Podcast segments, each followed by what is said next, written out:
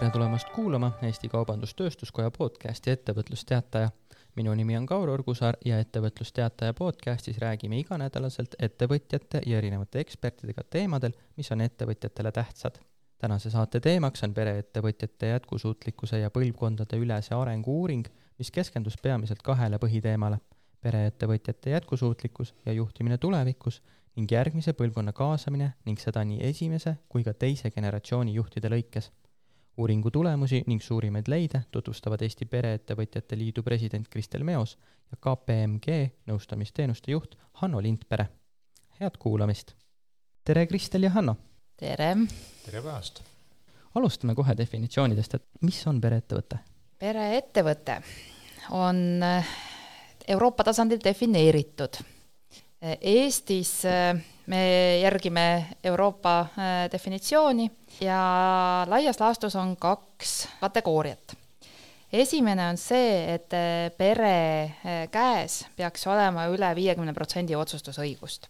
ja pere tähendab siis nii asutajad kui need, kes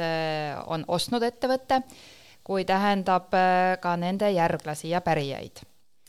ja teine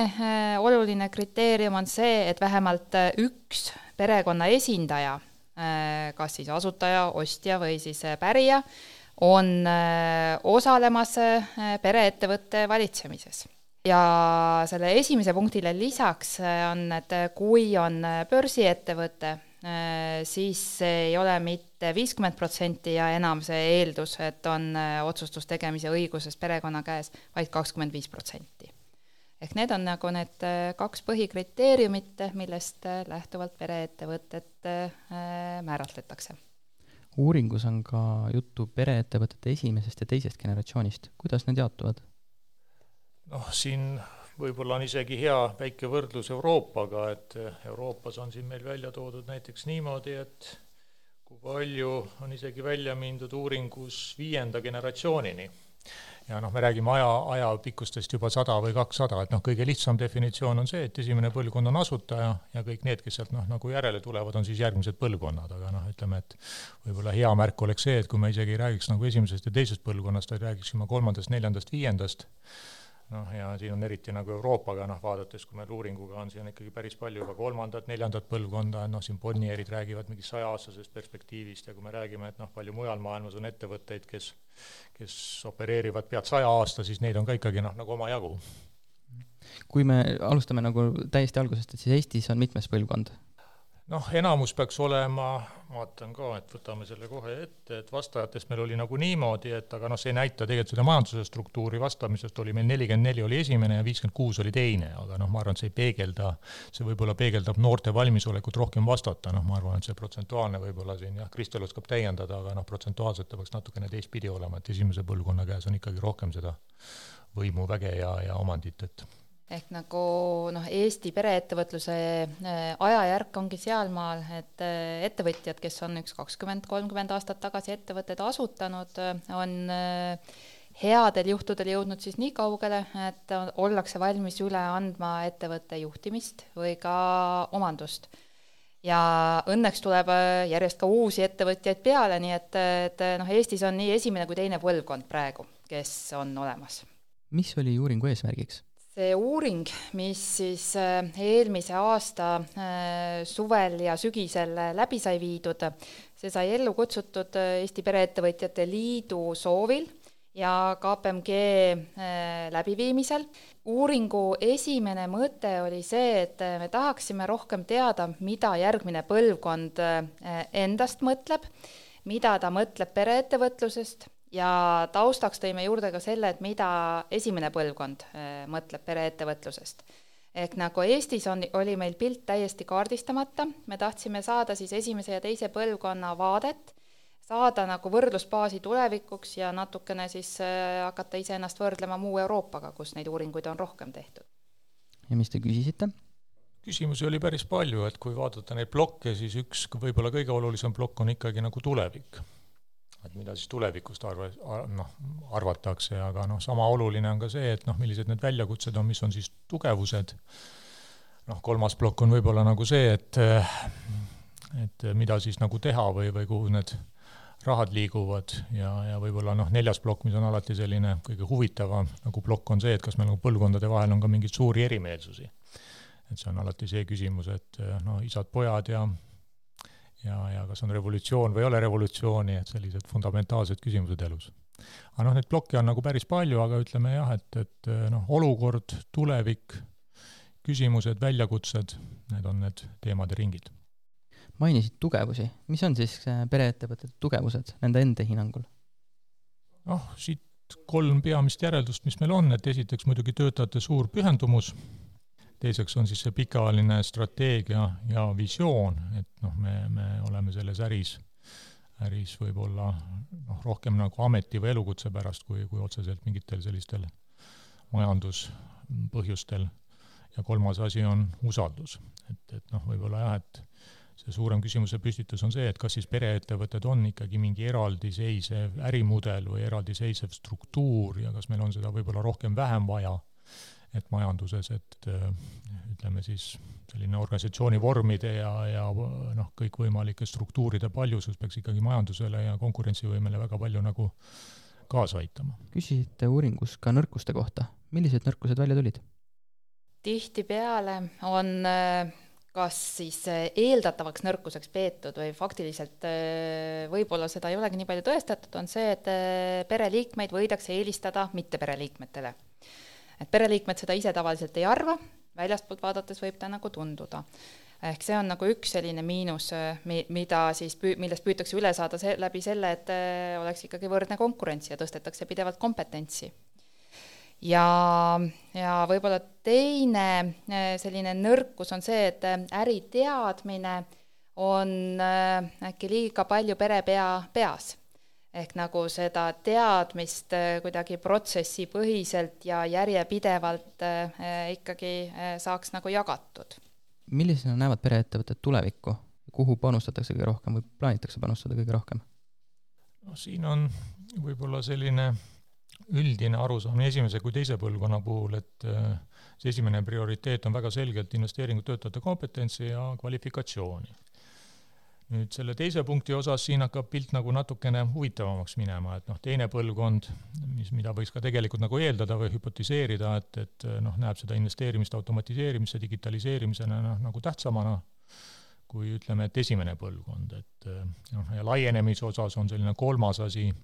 on nad mõlemad nagu võrdsed. Need on nüüd need prioriteedid, et noh, meil oli siis väga oluline tegelikult ka selline nagu reality check ja siin läheb see pilt nagu natukene nagu huvitavamaks, et kui me ütleme, et me kangesti tahame töötajatesse investeerida ja, ja inimestesse investeerida, et palju me reaalselt seda teeme, siis noh, ütleme, et kui siin esimese põlvkonna puhul või teise põlvkonna puhul oli need investeeringud töötajatesse lausa sajaprotsendilise nagu vastuse, vastuse nagu olulisusega, siis reaalselt tegelikult ettevõtted noh, investeerivad umbes kolmandiku ulatuses. et kui me kõik ütleme et, et sada protsenti inimestest ütlevad, et me tahame inimestesse investeerida, siis reaalselt teeb seda nagu kolmandik. et noh, siin tekib selline esimene väike nagu vastuolu, et noh, et, et soovide ja noh, reaalsete võimaluste vahel või soovide ja prioriteetide vahel, et noh, seda hüpoteesi me ei jõudnud siin nagu edasi uurida, aga noh, väga selge on siin selline suur, suurem nagu vastuolu tekib, jah kas see eristub teie hinnangul kuidagi nii-öelda tavaettevõttest, kui me peaksime nii võrdlema? jah, ega mul neid tavaettevõtte andmeid ei ole, aga noh, kogemuslikult võiks küll öelda, et ega ta väga palju ei eristu või isegi tavaettevõtte puhul.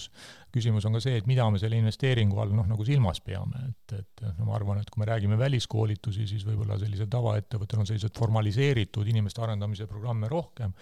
aga noh, ma arvan, pereettevõttel on jälle mitteformaliseeritud noh, selliseid rohkem nagu töökohal õppimist ja Sunsi moodi arengut äh, jällegi teistpidi rohkem ja noh, kusagil kaasas käimise ja töökohal õppimist, et kumb see pikas perspektiivis nagu parem on,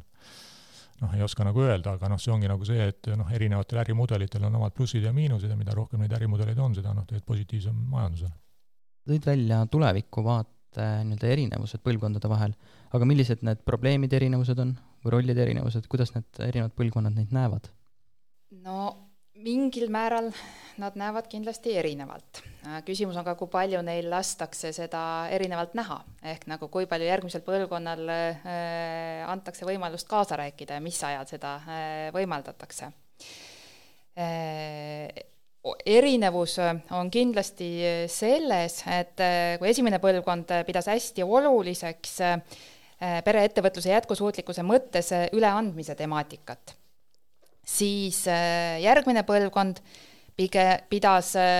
samaväärselt or-, oluliseks pereväliste juhtide kaasamist ehk nagu see teine põlvkond kindla peale ei näinud ennast alati nagu juhtimises osalejatena, vaid äh, eelkõige nagu omanikena ja võib-olla teises järjekorras nagu juhtidena.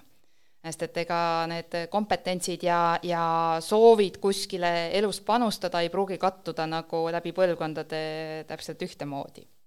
no siin jah, võib-olla veel täienduseks öelda seda, et äh, eks võib-olla selline tehnoloogiline lõhejoonistus või vahejoonistus küll välja, et jah, et noorem põlvkond ilmselt eeldab, et need tehnoloogilised muutused on kiiremad ja võiks isegi öelda, et noh, et vanem põlvkond võib-olla näeb tulevikku liialt roosilisena, et see ei joonistu siit nagu ainult Eestist välja, aga kui rääkida, et mingi muu maailma võrdlusest, et noh, need põlvkondadevahelised eri, erisused on täiesti olemas ja võib-olla mõneti üllatuslikult, et siin inimestega ka rääkides selgus, et noh, inimesed arvasid, et need erinevused on veel suuremad et noh, võrdluses just eh, nagu muu maailmaga, et meil ikkagi joonistus selline suhteliselt koherentne või ütleme noh, sarnaste väärtustega pilt välja. Kas põlvkonnad omavahel oskavad ka väärtustada teineteise erinevuse ja, ja soove? ma, ma võin eh, öelda mitte otseselt uuringupõhiselt, vaid eh, näide elust. meie hea Pereettevõtjate Liidu liige, perekond Habakuke esindaja, härra Madis Habakuk, keda meie hulgas praegu enam ei ole, äh, mõnda aastat tagasi äh, ta nagu pidas aru, et EBS, äh, väärikas Eesti ülikool, et see on tema asutatud, tema au ja uhkus, et kas tema pereliikmed on valmis seda nagu edasi kandma. Ja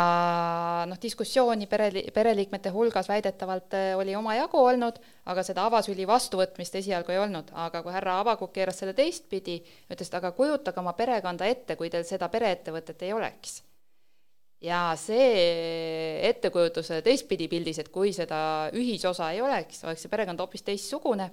ja, ja see kuidagi olevat äh, sidunud perekonda. Ja siin noh, mis küll uuringust välja tuli, et siin täienduseks öelda, et mis oli ka mõneti üllatuslik võib-olla, et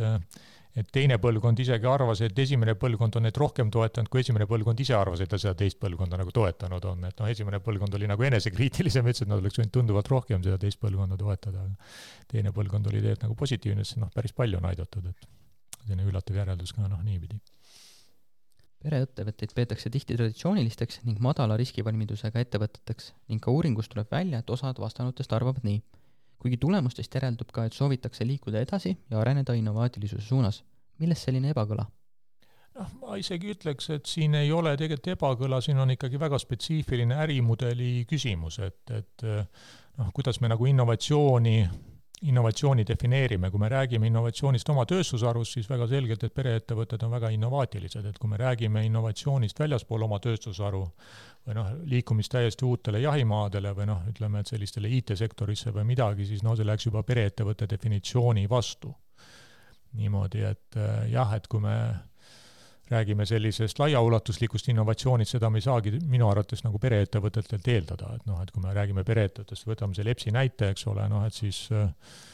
noh, kas siis EPS-i omanikud peaksid hakkama investeerima mingisse noh, transpordiäppi või noh, mingisse muusse ärisse, et noh, võib-olla ikkagi pigem, eks ole, et peaks siis investeerima ütleme, selliste interneti või, või veebipõhiste noh, koolituslahendustesse kui suur selle teise põlvkonna julgus on asju muuta? Teil on siin uuringus ka üks tsitaat välja toonud, et täna on see kasumlik, aga kui homme ei ole, siis kindlasti ei jätka hambad ristis sellepärast, et keegi esivanem on asja asutanud. külma südamega müüme või paneme putka kinni äh, mina lugesin ka seda tsitaati, kui muud tsitaadid olid äh, nimedega, need tsitaadid, see oli anonüümne tsitaat ehk nagu see võis olla kellegi kuskil nagu kripeldav sisetunne, mida võib-olla ei ole tahetud ka oma pere sees välja öelda. aga, aga noh, tegelikkus on see, et need teemad tuleb välja öelda, läbi arutada ja igaühe soovid ja, ja, ja plaanid saada nagu pere ringis paika pandud niimoodi, et, et igaüks saaks oma teed ilusti edasi viia jah, me võib-olla ka tihti kipume seda konflikti noh, üle tähtsustama, et noh, minu arvates demokraatliku või ükskõik igasuguse demokraatliku ühiskonna või ka ettevõtte noh, tugevus ikkagi peitubki selles, et paremad ideed nagu võidavad, et noh, et et kui noh, teistpidi küsida, et noh, et kas siis Põhja-Koreas, et üks inimene ütleb, eks ole, noh, et see ka vist ei ole nagu see, mida me päris tahaks, et kui me võrdleme Eesti uuringut äh, üle-euroopalise pereettevõtjate uuringuga, kas siis tulemused on sarnased? noh, nii ja naa, et äh, et üks koht, kus, kus võib-olla jah, et ütleme, et erinevus, no jällegi, et äh, erinevad inimesed näevad äh, seda erinevalt, aga noh, mina tooks ikkagi välja selles, et noh, selline keskmine Euroopa pereettevõte on ikka tunduvalt vaenulikum võõrkapitali osas. et äh, noh, ütleme sellist aktsiaturgudel on väga vähe, eks, vot ainult kaheksa protsenti Euroopas ütleb, et nad oleksid nõus nagu IPO-ga või kusagilt mujalt, eks ole, seda raha kaasama ütleme, et noh, laenu osas oleks natukene positiivsemad, et noh, nelikümmend protsenti seal ütleb kusagil Euroopas, et noh, nad ikkagi võiks nagu laenu ka võtta, eks ole, noh, et eks need on pikaajalised traditsioonid, et ütleme, et selline keskmine Euroopa ikkagi pereettevõte peamiselt kasutab nagu omakapitali investeeringuteks, eks ole, sellist võõrkapitali lastakse ligi suhteliselt äh, suhteliselt eh, noh, nagu sellise pika hambaga, aga noh, teisalt siis võiks kohe öelda, et teil on viissada aastat või tuhat aastat ajalugu ka, eks ole, või noh, ütleme sealt mustast katkust võiks seda kusagilt lugeda, seitsesada aastat aega nagu kapitali akumuleerida, et noh, et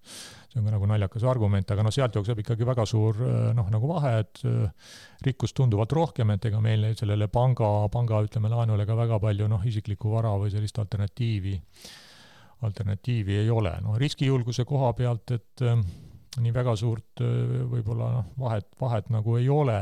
et noh, väga selgelt, et võib-olla ka sellise rahvusvahelise kaubanduse osas, et seda me spetsiifiliselt Eestis ei saanud teada, aga noh, väga selgelt, et EU-le oli ülimalt positiivne noh, nagu tagasiside Euroopas ja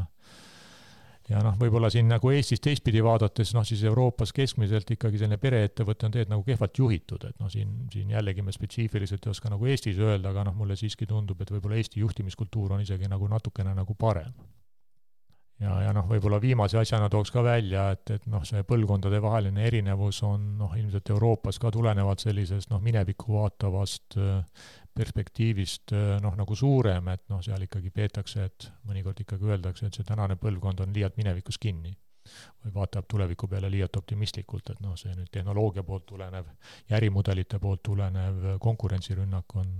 on tunduvalt suurem kui teda noh, vanem põlvkond tahab tunnistada või arvata või noh, midagi ette võtta selles osas. kui nii võtta, siis meie vanem põlvkond on eesrindlikum kui Euroopa vanem põlvkond? jah, ega ma seda faktidega nüüd päris tõestada ei saa, aga noh, järeldusena ma arvan, see peab paika küll, jah. mis tuli uuringust kõige suurema üllatusena? omamoodi üllatus oli see, et väga suuri üllatusi ei tulnud. et äh, me saime nagu faktide äh, või arvamuste põhiselt kinnitust Äh, sellele, et esimene-teine põr-, põlvkond omamoodi vaatavad äh, ühes suunas, on äh, erinevusi, hästi oluline, mis välja koorus, et noh, põlvkonnavahetuse teema on pereettevõtete sõlmpunkt. Ja, ja seda põlvkonnavahetust ei saa mitte võtta sündmusena, mis juhtub, vaid see on üks pidev protsess, milleks peab ette valmistama ehk nagu see on see, mis äh, Pereettevõtjate Liidu jaoks nagu äh, kõlama jäi. jah, võib-olla tõesti ei saaks öelda, et midagi sellist väga, väga teistsugust äh, välja tuli, aga noh, väga selgelt, et nüanssides, et võib-olla see sõnade ja tegude ja noh, et üks asi, mida kindlasti peaks vaatama, on see investeerimisvõime ja noh, pikaajalisus ja, ja kui me räägime tõesti sellistest sajaaastastest või, või noh, sellistest pikematest perspektiividest ja ka nagu mahtudest, et ma arvan, et siin selle ärimudeli osas, et kas nüüd Eesti eri, et noh, ütleme, et pereettevõtte ärimudel sellisel väikse turu baasil, noh, ma arvan, et selline rahvusvahelise küsi-, noh, rahvusvahelistumise teema, mida me küll väga spetsiifiliselt ei uurinud, aga noh, see väga selgelt on selline oluline teema, mida tulevikus, tulevikus peaks arvesse võtma järelduste alt olete välja toonud, et pereettevõtetel on muude ettevõtete ees tihti konkurentsieelis. kuidas see väljendub? ongi see, et kui sa oled ikkagi oma äris ja teed oma asja, siis, äh, siis noh, ütleme, et klassikaliselt majandusteooria kirjeldab seda nagu niimoodi, et, et noh, et äh, kasvuaegadel pereettevõte kasvab aeglasemalt, eks ole, kriisiaegadel ta peab paremini nagu vastu ehk siis ta on väga selgelt nagu stabiilsem, et noh, ta ütleme, et võib-olla ei suuda kõigega nagu kaasa joosta, aga sa oled ühes sektoris, sa tunned seda, tead, oled seda pikaajaliselt teinud, eks ole, sul on traditsioonid, ütleme, et noh, tõesti, eks ole, et kuidas välismaailm muutub, aga noh, lõpptulemusena võiks ka küsida, et kui palju ta siis muutub, et et noh, ikkagi selline pikaajaline vaade, lojaalsus, noh, need on sellised väga, väga olulised, olulised kriteeriumid, ehk siis nagu pikaajaline kapitali tootlus versus nagu lühiajaline noh, kapitali tootlus kui pereettevõtlusest teoorias räägitakse, siis tihtipeale räägitakse sellist, sellisest kolmest alustalast. on omand, on äri ja on perekond ehk nagu need kõik kolm kokku on nagu pereettevõtlus ja seal keskel on kuskil siis need ühisosad. Aga tavaettevõtluses see perekonna mastaap kaob ära, jääbki nagu omand ja äri. Ehk nagu sealt tulevadki need põhierinevused. Hanno mainis korraks ka kriisi, kuna uuring sai tehtud põhimõtteliselt vahetult enne kriisi või siis sellele eelnenud perioodil mis te arvate, kuidas praegu pereettevõtted äh, hindavad, kas need äh, tulemused võiksid olla kuidagi muutunud? jah, siin üldistusi on väga, väga raske tuua, et kui nüüd nii nii ja naapidi ma korra, korraga siia tulles mõtlesin selle peale, et äh, noh, midagi väga spetsiifilist ei oskaks küll välja, välja tuua, et noh, et mida siin mida pereettevõtjad, et noh, võrreldes teiste ettevõtlusvormidega või kuidagi, et mis, mis siin väga võiks nagu teistmoodi, teistmoodi olla, et eks ta pigem sõltub jah, nagu sektorist, et noh, siin vaatan veel korra need, siin Eestis oli võib-olla ka päris palju meil nagu tootmist, et et kui mõelda noh, nagu selle tootmise ja selle peale, et noh, ma arvan, siin on jah, olulisem, olulisem sõna on see tek-, sektor tervikuna, kui kui, kui see pereettevõtluse vorm jah, et mina ei oska nagu midagi spetsiifilist välja tuua eks me tagantjärgi näeme ja et äh, aga arvamus on, et äh, pereettevõtlus võiks ikkagi kriisist paremini läbi tulla. ja me oleme mõelnud, millal teha nüüd võrdlusbaasist äh, järgmist uuringut, kas aasta pärast või kahe pärast. Ja, ja kui see uuringu aeg nüüd kätte tuleb, eks me näeme, kas me teeme seda kriisi ajal või peale kriisi ja siis saame võrrelda aga meie ootused ja lootused on sellel, et pereettevõtjad tulevad kriisist paremini läbi. kas see uuring kui selline jääb traditsiooniks, et teetegi iga aasta või mingi kindla intervalli tagant? Äh, tahaks teha traditsiooniks, oleme arutanud, kas aasta pärast või kahe pärast, pigem tõenäoliselt kahe pärast, sest et ega aasta läheb kiiresti andmete kokkukogumine võtab aega, andmete töötlemine, järelduste tegemine et äh, KPMG on tegelikult väga-väga suure töö ära teinud äh, kogu selle andmete kogumise ja võrdlemise ja analüüsimisega, nii et suured tänud. et Euroopa tasemel me teeme seda tõesti juba üheksandat korda ja ma huvi pärast ka vaatasin, et noh, siin oluline on nagu need trendid, et et võib-olla sellest viimase aasta uuringust ei tulnud nii hästi välja, kui ma lähen aasta aega tagasi, siis aasta aega tagasi on näha, et, et ikkagi see võitlus inimeste pärast või võitlus nende oskuste pärast või noh, inglise keeles on see fall for talent, oli nagu väga, väga tugevalt nagu noh, üles läinud ja noh, võib-olla selle kriisi esimene õppetund, mis minu jaoks on ka nagu natukene võib-olla nagu üllatav, kui eeldus oli see, et noh, et see, ütleme, et eh, natukene turul see olukord läheb paremaks või noh, ütleme, et tööandjana sul on võib-olla töötajate osas pisut rohkem nagu valikut, siis tundub, et see vist nagu päris tõeks ei ole osutanud, et need oot-, oskused, mida turul on vaja, need on ikkagi nii haruldased, noh, need uued oskused, et ega seda, selle pakkumine nagu väga palju suurenenud ei ole, nii et see war for talent ilmselt jääb edasi kestma. et kõigil nagu uni hästi peale tuleks, et väike, väike nagu statistika ka, eks ole, et siin ütleme, et selline keskmine noh, kui küsida, eks ole, et Euroopa noh, pereettevõte jah, et, et on kusagil käibevahemikus siis ütleme, et kümme kuni kakssada miljonit eh, eurot, noh, töötajate arv jääb seal kusagil siis jah, ütleme, et nad ei ole nüüd ülisuured, et noh, nad päris viiekümne piiridesse ei jää, aga noh, nad ei ole ka sel-, väga selgelt, et üle tuhande töötajaga noh, pereettevõte on nagu väga, väga nagu arv, arv. Ja noh, tõesti, et kui me vaatame seda ajalugu, mis on võib-olla kõige huvitavam, et siis on ka, eks ole, et no uuringus äh, on ka selliseid ikkagi ja mitte ainult pisikene protsent, aga on ka pereettevõtteid,